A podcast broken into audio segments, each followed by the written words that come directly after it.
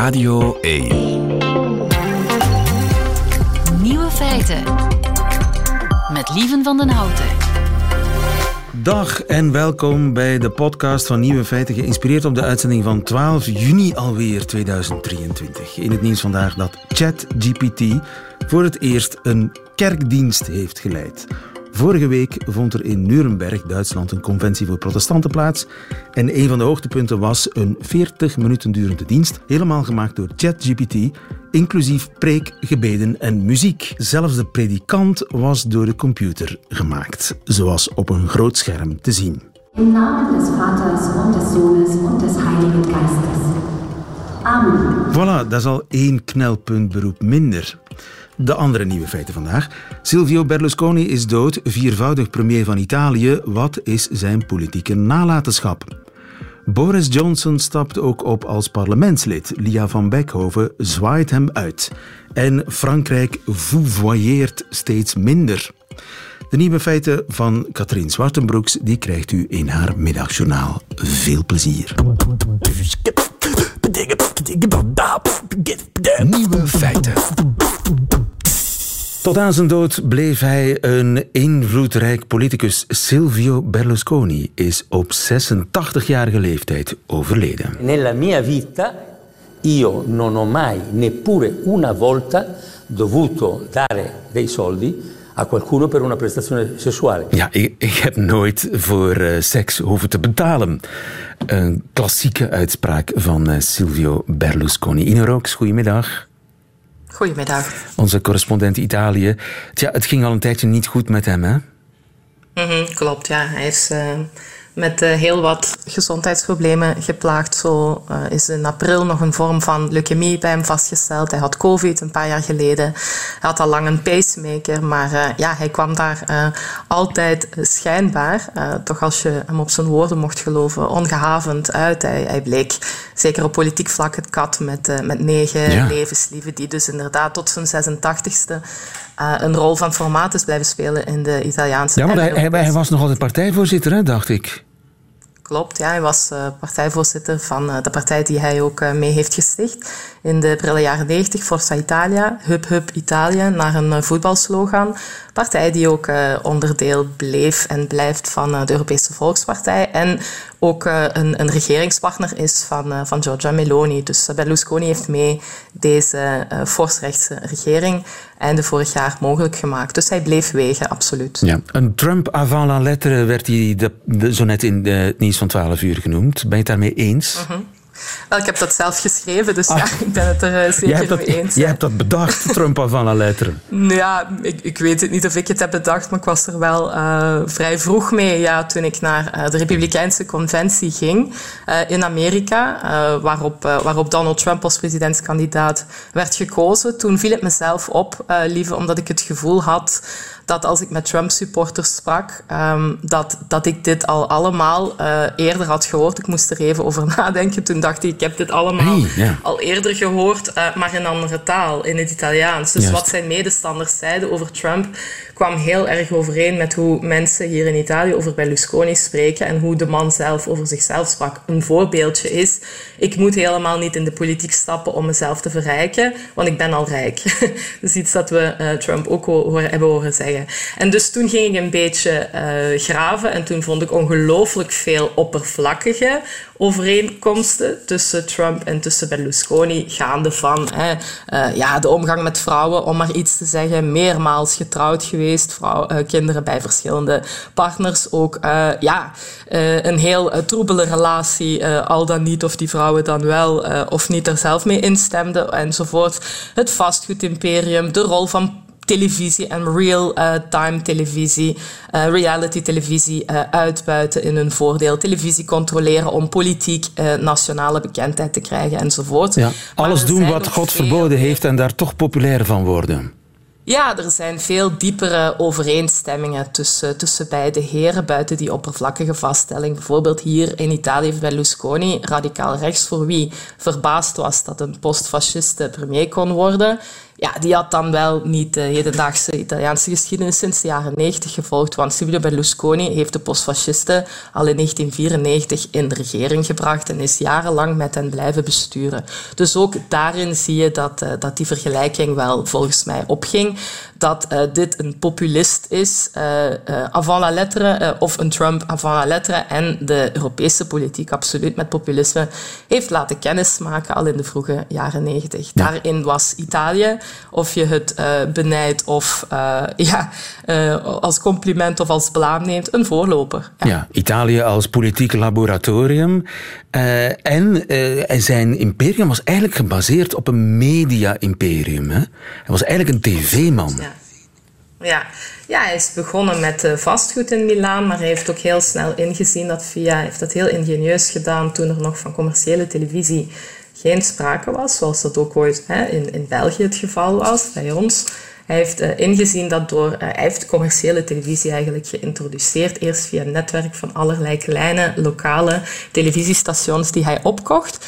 En tegelijkertijd dezelfde programma's liet, liet afspelen op cassettes. Zo heeft hij voor uh, de mensen die overdag thuis zijn en veel tv kijken, uh, de Italiaanse huisvrouwen waren dat toen, zo heeft hij uh, een, een, nationale televisie van commerciële aard gecreëerd, zo je wil. En hij heeft heel snel in de jaren tachtig al seks op televisie gebracht. glittermeisjes, glitterbikinis, geen oudbollige figuren, man of vrouw. Je ziet dat nog altijd vandaag. Hè. Kijk naar de ook de openbare omroep. Het blijft toch, hoewel je wel enigszins een evolutie ziet, lieve, maar je blijft oude, bejaarde mannen zien met zeer uh, jonge vrouwen. Dat is iets dat hij absoluut wel geïntroduceerd heeft ja. en hem ook gigantisch populair heeft gemaakt. Ja, dus dat hij is heeft de, begrepen, de erfenis Berlusconi. Ja. Dit is nog wie altijd de te zien. televisie, wie, wie de televisie beheerst, die, uh, die beheerst ook. Uh, ja, die kan spreken tot het volk, niet alleen tot Italianen. Ja. Ja. Maar en, en hoeveel keer hij ook veroordeeld werd, hij kwam iedere keer weer terug. Veroordeeld. Hij heeft heel veel uh, rechtszaken gekend. Hij noemde zichzelf ooit uh, de meest geplaagde door de, volgens hem, communistische rechters. De rode toga's noemde hij hen. Hij is heel veel vervolgd, maar hij had ook... Ja, het is een man die veel van voetbal kent. Hij is de voorzitter van AC Milan geweest, uiteraard. heeft op die manier nationale en internationale bekendheid gekregen. Dat heeft hem toegelaten om in de politiek te stappen. Maar hij had ook een hele voetbalploeg aan advocaten. Hij heeft zijn advocaten zelfs in het parlement verkozen gekregen. Hij werd heel goed omringd. De man was absoluut niet dom en vrij, uh, ja, politiek uh, vrij geniaal. Hè? Uh, dat is geen compliment, dat is een vaststelling. Maar er is ook iemand die rechten had gestudeerd en die heel goed het klappen van de zweep kende. Hij bracht zijn advocaten die hem ook tig keren lieten vrijspreken, vrijgesproken kregen en of de procedures zo lang lieten aanslepen dat, uh, dat, de, dat de dingen waarvan hij beschuldigd werd gewoon verjaarden in hoger beroep. Hè. Dus uh, uiteindelijk is hij veroordeeld voor belastingfraude, maar ook daarna is hij nog uh, opnieuw verkozen in, in het Europees Parlement. Hoe kon dat dan? Ja, hij had een hele zware fanbase en heel veel mensen zijn altijd blijven geloven in onschuld of in het feit dat hij er toch maar mee wegkwam of Italië op de kaart zette of ja, ook deed wat zij uh, graag hadden. Bijvoorbeeld ja. is een ondernemer-politicus geweest die ja, ook bepaalde uh, misdrijven op boekhoudkundig vlak uh, liet verjaren of de termijnen verlaagde. En ja, ik kan me voorstellen dat ook heel wat ondernemers mogelijk daar ook wel brood in zagen. Dus de man is een flinke fanbasis blijven hebben en een electorale basis die, die, die niet is weggegaan ook nu zie je dat in de reacties op uh, dat overlijden. Als je eens de website Il Giornale opent, dat is tot voor kort altijd de Berlusconi spreekbuis geweest en in handen van uh, Silvio's broer Paolo Berlusconi, die ook nog altijd eredirecteur is van die krant. Ja, daar krijg je een, uh, een, een, heilige verklaring natuurlijk. Hè. En daarop wordt gezegd, dit is een man die de hedendaagse geschiedenis van Italië vorm heeft gegeven en een politicus, ja, een staatsman. Hè. Dus op die manier wordt daar afscheid van hem genomen. Dat hoeft natuurlijk niet te verbazen, maar het is ook wel waar dat deze man de hedendaagse Italiaanse politiek heel flink naar zijn hand heeft gezet. Dat Ja. is ook gewoon feitelijk een vaststelling. hè. Maar wat heeft hij eigenlijk politiek verwezenlijkt? Wat, wat, waarvan kan hij zeggen, dat heb ik gedaan, iets positiefs voor Italië? Hij heeft, ja, uh, hij heeft uh, Italië uh, op dit moment vormgegeven. Iets positiefs. Bedoel, ik kan nu niet. Je moet heel lang nadenken. Nee, nee, daar gaat het niet om. Het is gewoon, ja, kan je dat zeggen van uh, als ik jou vraag, geef een Belgische premier en geef me één punt bijvoorbeeld. Guy Verhofstadt, homohuwelijk. Ja? Bijvoorbeeld. Ja, oké. Okay. Berlusconi heeft niet het homohuwelijk in Italië ingevoerd, want dat uh, bestaat hier zelfs niet. Er is hier een uh, samenlevingscontract voor holibies en dat is Matteo Renzi geweest. Dus nee, dat niet, dat zeker niet, want het was een conservatief die ook om uh, machtsredenen dicht bij het Vaticaan wilde blijven staan. Het Vaticaan overigens, dat hem pas heel erg laat liet vallen, ver in de Bunga Bunga seksfeestjesaffaire heen. Berlusconi heeft dit land vormgegeven, volgens mij en niet alleen volgens mij heeft hij daarbij flink aan de contouren van de democratie geveild. Um, hij heeft wel, uh, hij heeft radicaal rechts uh, ook mainstream gemaakt, aanvaardbaar gemaakt.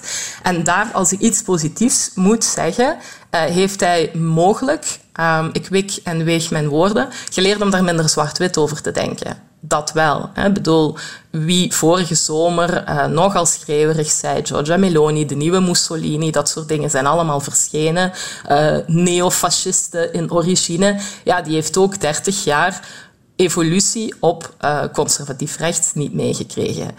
Niet tegenstaande dat uh, lijkt de balans wel overwegend negatief. Vooral dan liever omdat dit bij uitstek een persoon is die persoonlijk belang boven het algemene belang van de Republiek Italië ja. stelde. Altijd weer opnieuw wetten op maat liet maken, uh, een stank van de maffia en van criminaliteit rondom zich nooit uh, kon, laten, kon laten weggaan. Dus de balans is, wat mij betreft, zeker niet positief. Anderzijds ja, uh, is, dit, is dit een man die pas overleden is en merk ik dat ook centrum links, dus absoluut zijn oppositie, die zijn hele leven lang met hem heeft gebotst, nu zegt dat het nu ja, dat het wel een afscheid is van een man die absoluut de hedendaagse politiek vorm heeft gegeven en een belangrijk figuur was uh, in, uh, in, in, in, de recente geschiedenis. Ja.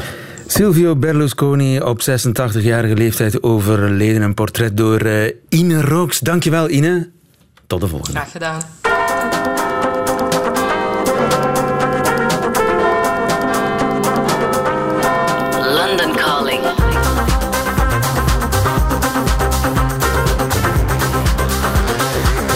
Lia van Beckhoven. Lia in Londen voor ons. Uh, goedemiddag, Lia. En inderdaad, het grote nieuws hè, dit weekend hadden we toch. Vrijdag is er iets gebeurd. Zeker, de BBC had breaking news vrijdagavond.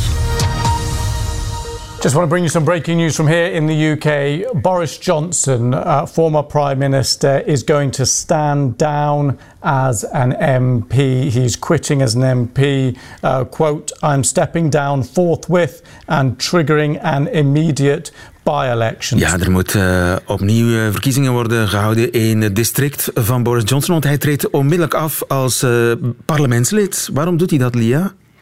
Nou, omdat een parlementaire onderzoekscommissie uh, geconcludeerd heeft dat Boris Johnson de Kamer, het Lagerhuis, misleid heeft. Zeg maar dat hij loog. En hij loog toen hij zei niks te weten van Partygate. Weet je wel, die borrels, de feesten die gehouden werden uh, tijdens de coronacrisis in en rondom Downing Street. En daarom neemt hij ontslag. Ja, en ik kan me voorstellen dat hij dat niet met uh, stille trom doet, dat hij niet in stilte vertrekt. Nee, natuurlijk niet. Kijk, vorig jaar al moest hij aftreden als premier. Hè. Zijn eigen fractie had genoeg van hem. Had genoeg van hem en al zijn schandalen, vooral van dat Partygate-schandaal. Zijn ministers liepen weg omdat ze niet meer met hem wilden, konden samenwerken. En dit is hoe Boris Johnson toen uh, afscheid nam van de Kamer als regeringsleider. Mission largely accomplished. For now, uh, I want to thank everybody here and hasta la vista, baby. Thank you. Ja, hij kent zijn klassiekers hier. Uh, Boris Schwarzenegger, bijna. Hè? Precies, en ook nu neemt Johnson ontslag zoals alleen hij dat kan doen. Um, hij verwijt de onderzoekscommissie naar Partygate van een klopjacht, uh, een heksenjacht tegen hem. Hij zegt dat de commissie uh, bevooroordeeld zou zijn, dat de anti-Brexiters erachter zitten, die willen hem het parlement uitjagen. Anders gezegd, het is de schuld van iedereen. Hè? Johnson is weer slachtoffer, de commissie is verdacht, het was een complot. Dus uh, als er nog mensen waren die verwacht hadden dat de oud-premier wat nederigheid zou tonen, hè, of, of, verantwoordelijkheid voor Partygate, of respect voor het hele parlementaire proces, dan kwamen zij bedrogen uit. Want Johnsons reactie was typisch Johnson. En typisch trouwens ook, en daar deden het veel mensen in Groot-Brittannië aan denken de afgelopen dagen, typisch ook voor die andere blonde gewezen leider aan gene zijde van de Atlantische Oceaan. The statement yesterday was straight out of the Donald Trump playbook. There was zero contrition and a load of conspiracy theories and untruths. Ja, de manier waarop Johnson ontslag uh, nam komt terecht uit de, de trucendoos van Donald Trump, zegt deze analist, inclusief de complottheorieën. Ja, en vooral uh, door de parlementaire commissie verdacht te maken. Hè, dat kun je onder het kopje zetten minachting van het parlement. En omdat hij dat doet, krijgt hij echt de wind van voor, van alle kanten, van alle kanten uh, wordt hij uh, nu beschimd. Zelfs door zijn eigen partijgenoten. Sommigen die, die formuleren het beleefd, hè, zoals deze. Well, it's a shameful moment, though there's some joy that Boris Johnson is standing down as member of parliament. Het is een moment van schaamte. Ja, dat zegt het voormalig conservatief uh, parlementslid Anna Soubry. die verantwoordt het nogal eloquent. maar van de oppositie uh, verwacht je dat ze zich wat, wat minder beleefd uitdrukken. Het geen geschieden. Hier Angela Rayner van Labour. I think he's a coward and he's just never accepted responsibility for his actions. Het is een lafaard en hij heeft nooit verantwoordelijkheid genomen voor uh, zijn daden. Ik vind het nog redelijk beleefd en netjes, toch? Vind je dit ook netjes en beleefd, lieve? Dit van een voormalige woordvoerder van Downing Street? His statement tonight is utterly Trumpian. And the sooner this turd is flushed down the toilet, the better. Ja, moet ik dat nog vertalen? Ja, doe maar. hoe sneller deze drol door het toilet wordt gespoeld, hoe beter. De voormalige woordvoerder van Downing Street 10. Maar uh, hij zat wel sinds 2001 in het parlement, hè, Boris Johnson. Wat gaat hij nee. nu... Nee. Nee, dat was zijn eerste leugen in zijn reactie. Dat hij zei Oh. toen hij zijn aftreden af aankondigde dat hij uh, sinds 2001 in het parlement zat. Hij zit niet sinds 2001 in het parlement. Hij was tussen 2008 en 2015 burgemeester van Londen. Ja. maar, het probleem, maar het probleem, lieve, met Boris Johnson is precies dit. Het probleem is dat hij echt, denk ik, vaak niet, oprecht niet het verschil weet tussen uh, wat waar is en wat niet waar is. Maar wat hij ook gaat doen, hij zal van de zij, vanaf de zijlijnen blijven schieten op, op, op zijn opvolger, premier Sunak. Hij zal proberen terug te komen als leider van de conservatieve partij. Dat wil hij natuurlijk. Zeker is, uh, we zullen van hem blijven horen. Hè. Hij leeft van publiciteit, hij leeft van publiek. Zoals Anna Soubry, een oud-minister die met hem samenwerkte, uh, ook heel duidelijk maakte. He's a man who needs a platform. He, he, he needs, he, he thrives on the oxygen of publicity. So what on earth he'll do next, I do not know. Ja, maar hij heeft de zuurstof nodig van de publiciteit, zei deze Anne Soubry. In ieder geval, voorlopig gaan we hem toch missen, hè, Lia? Heel erg. Kijk, wij journalisten, lieve, uh, wij zijn maar een eenvoudig slagvolk. Wij houden van ophef en, en, en wij houden van mensen die zich niet aan de regels en de codes houden, hè, zoals Boris Johnson. Hij loog uh, Johnson over Brexit, over veel meer loog hij. Hij, hij dreef op vriendjespolitiek en corruptie hè, door zijn eigen broer. Een Wat wil je nog meer als journalist? Precies. Voor de Britse democratie was hij geen zegen. Maar uh, journalisten gaan de reuring missen die hij meebracht. Uh, uh, met al zijn kleurrijke, bloemrijke uitspraken waar het internet vol van staat. Hoor maar. And you cared so deeply for the rights of backbenchers that you've done more than anyone since Stephen Hawking to stretch time in this particular session. And as we come to the end of what must be the longest retirement since Frank Sinatra, Mr. Speaker. He flip flops from day to day, Mr. Speaker. One day he's in favour of, uh, of staying in the EU. Uh, the next day he's uh, the next day he's willing to accept Brexit. Mr. Speaker, the, the leader of the opposition has more flip flops than Bournemouth Beach. Ja, de leider van de oppositie heeft meer flipfloppers dan het strand van Bournemouth. Een flipflop is een teenslipper. maar in Engeland ook iemand die met de wind meedraait. Grappig wel, hè? Dat is Boris Johnson, hè? never a dull moment. Hij was ook een hele goede communicator. Um, en hij, hij hield heel erg van mensen aan het lachen te maken, hè? wat hij goed deed, een, stand-up comedian. Maar hij werd vaak in de weg gezeten door zijn eigen um, uh, chaotische stijl. Hè? Ook juist met uh, speeches en zo. Uh, zoals bij een toespraak voor de Britse industriëlen in 2021. Hij had de helft van zijn toespraak thuis laten liggen, volgens mij. Luister maar. So with safer streets... uh, with great local schools, uh, with fantastic uh, broadband. Uh, ja. Uh, Tekst kwijt. Forgive me. Sorry. Dat is niet uh, Boris Johnson die wij kennen. Nee, maar lang heeft het allemaal niet geduurd. En de manier waarop hij dat dan weer oploste was weer klassiek Bojo. Yesterday I went, uh, as, as we all must, uh, uh, uh, to, to Peppa Pig World. Peppa Pig World is, is very much my kind of place. Uh, it, it, it, uh, it, has a very safe streets, discipline in schools, heavy emphasis on new mass transit systems, I, I notice. And I'm surprised you haven't been there. Ja, afscheid van een grote comedian. Dankjewel, Lia van Beckhoven in Londen. Graag gedaan.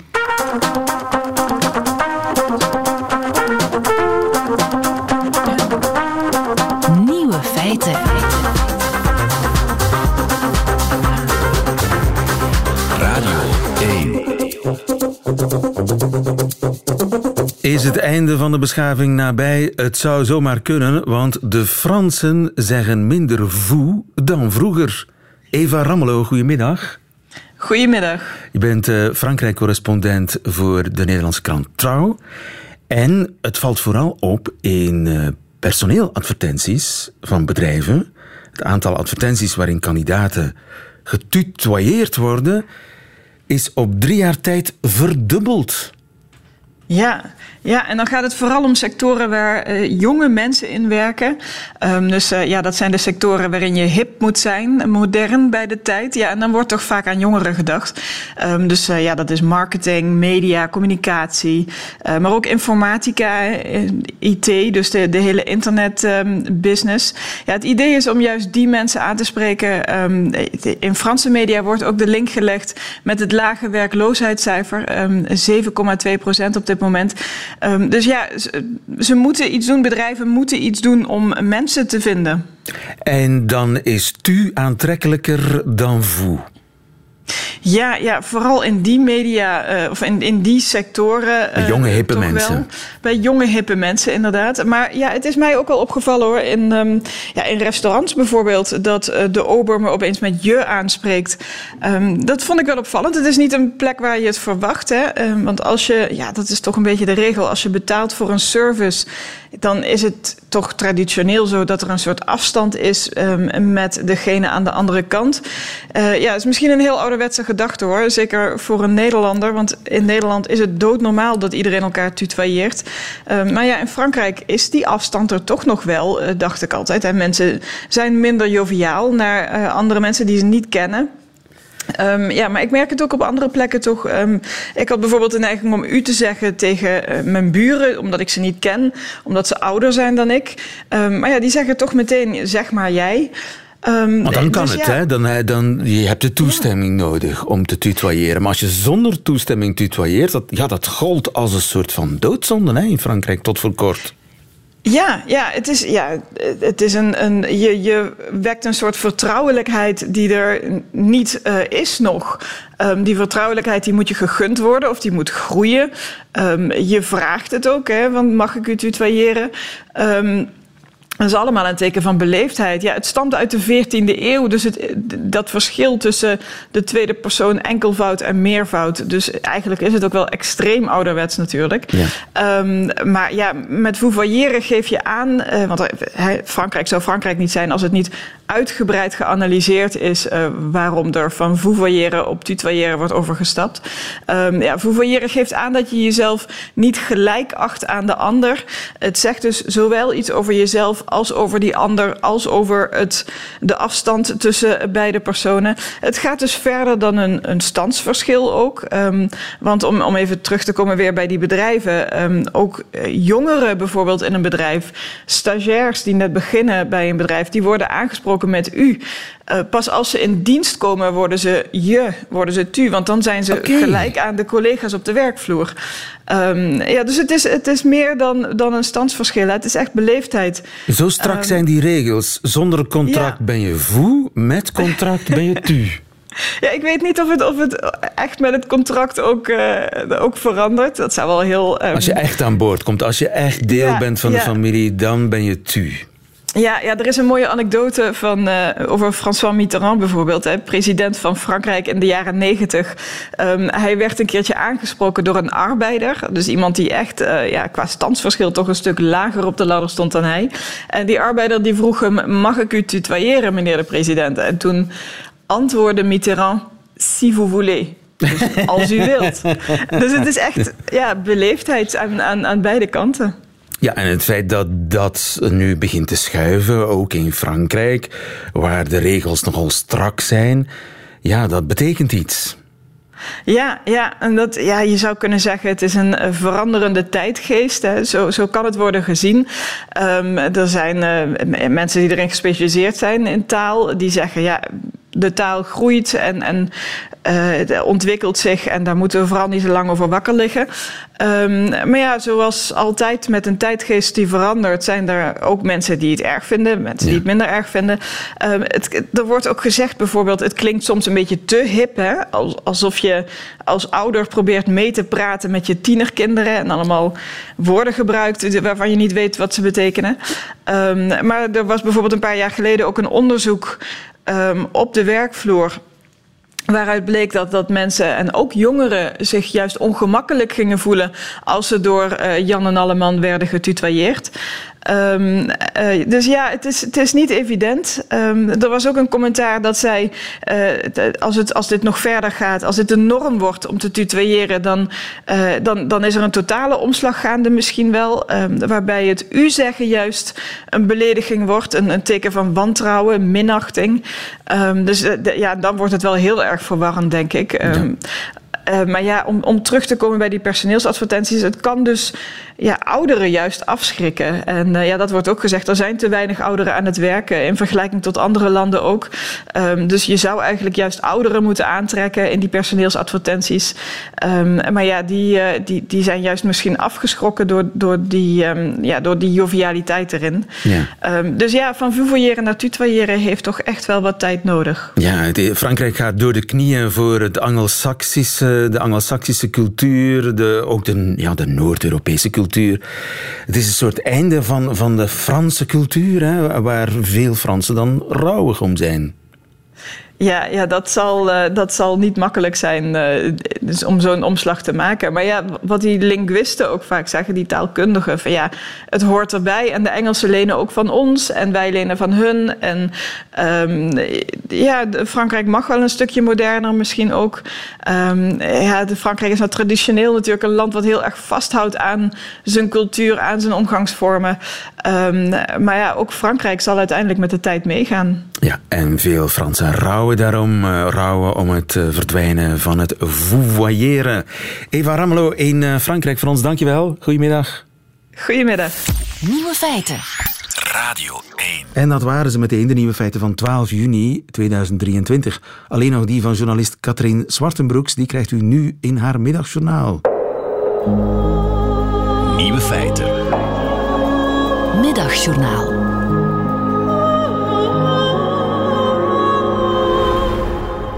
Best gek, hè?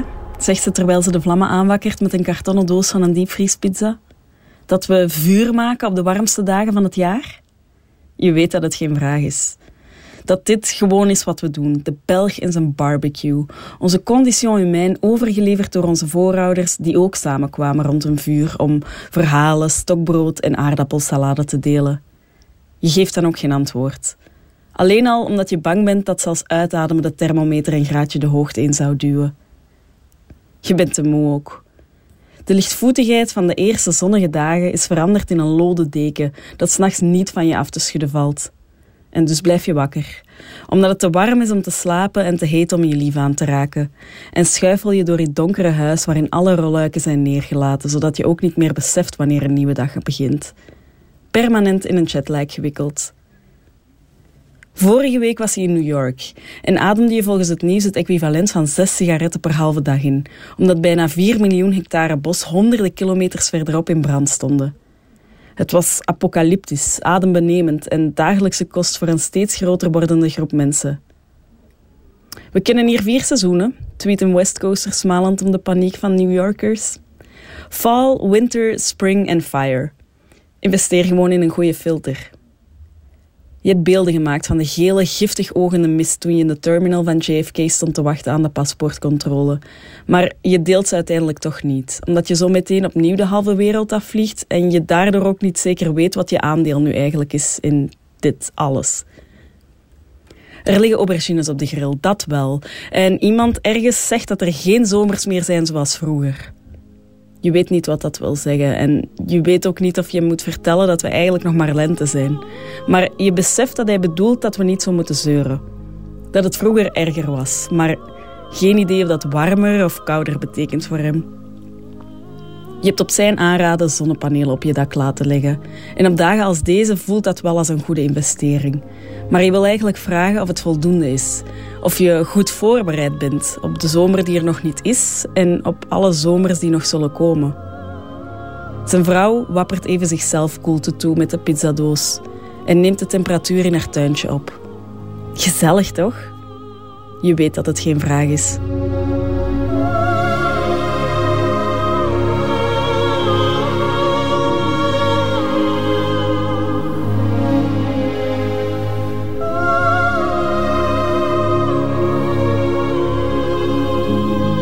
Het Middagjournaal met Katrien Zwartenbroeks. Einde van deze podcast hoort u liever de volledige uitzending van Nieuwe Feiten met de muziek erbij. Dat kan natuurlijk live elke werkdag op Radio 1 tussen 12 en 1 of on demand via de Radio 1 app of website. Tot een volgende keer.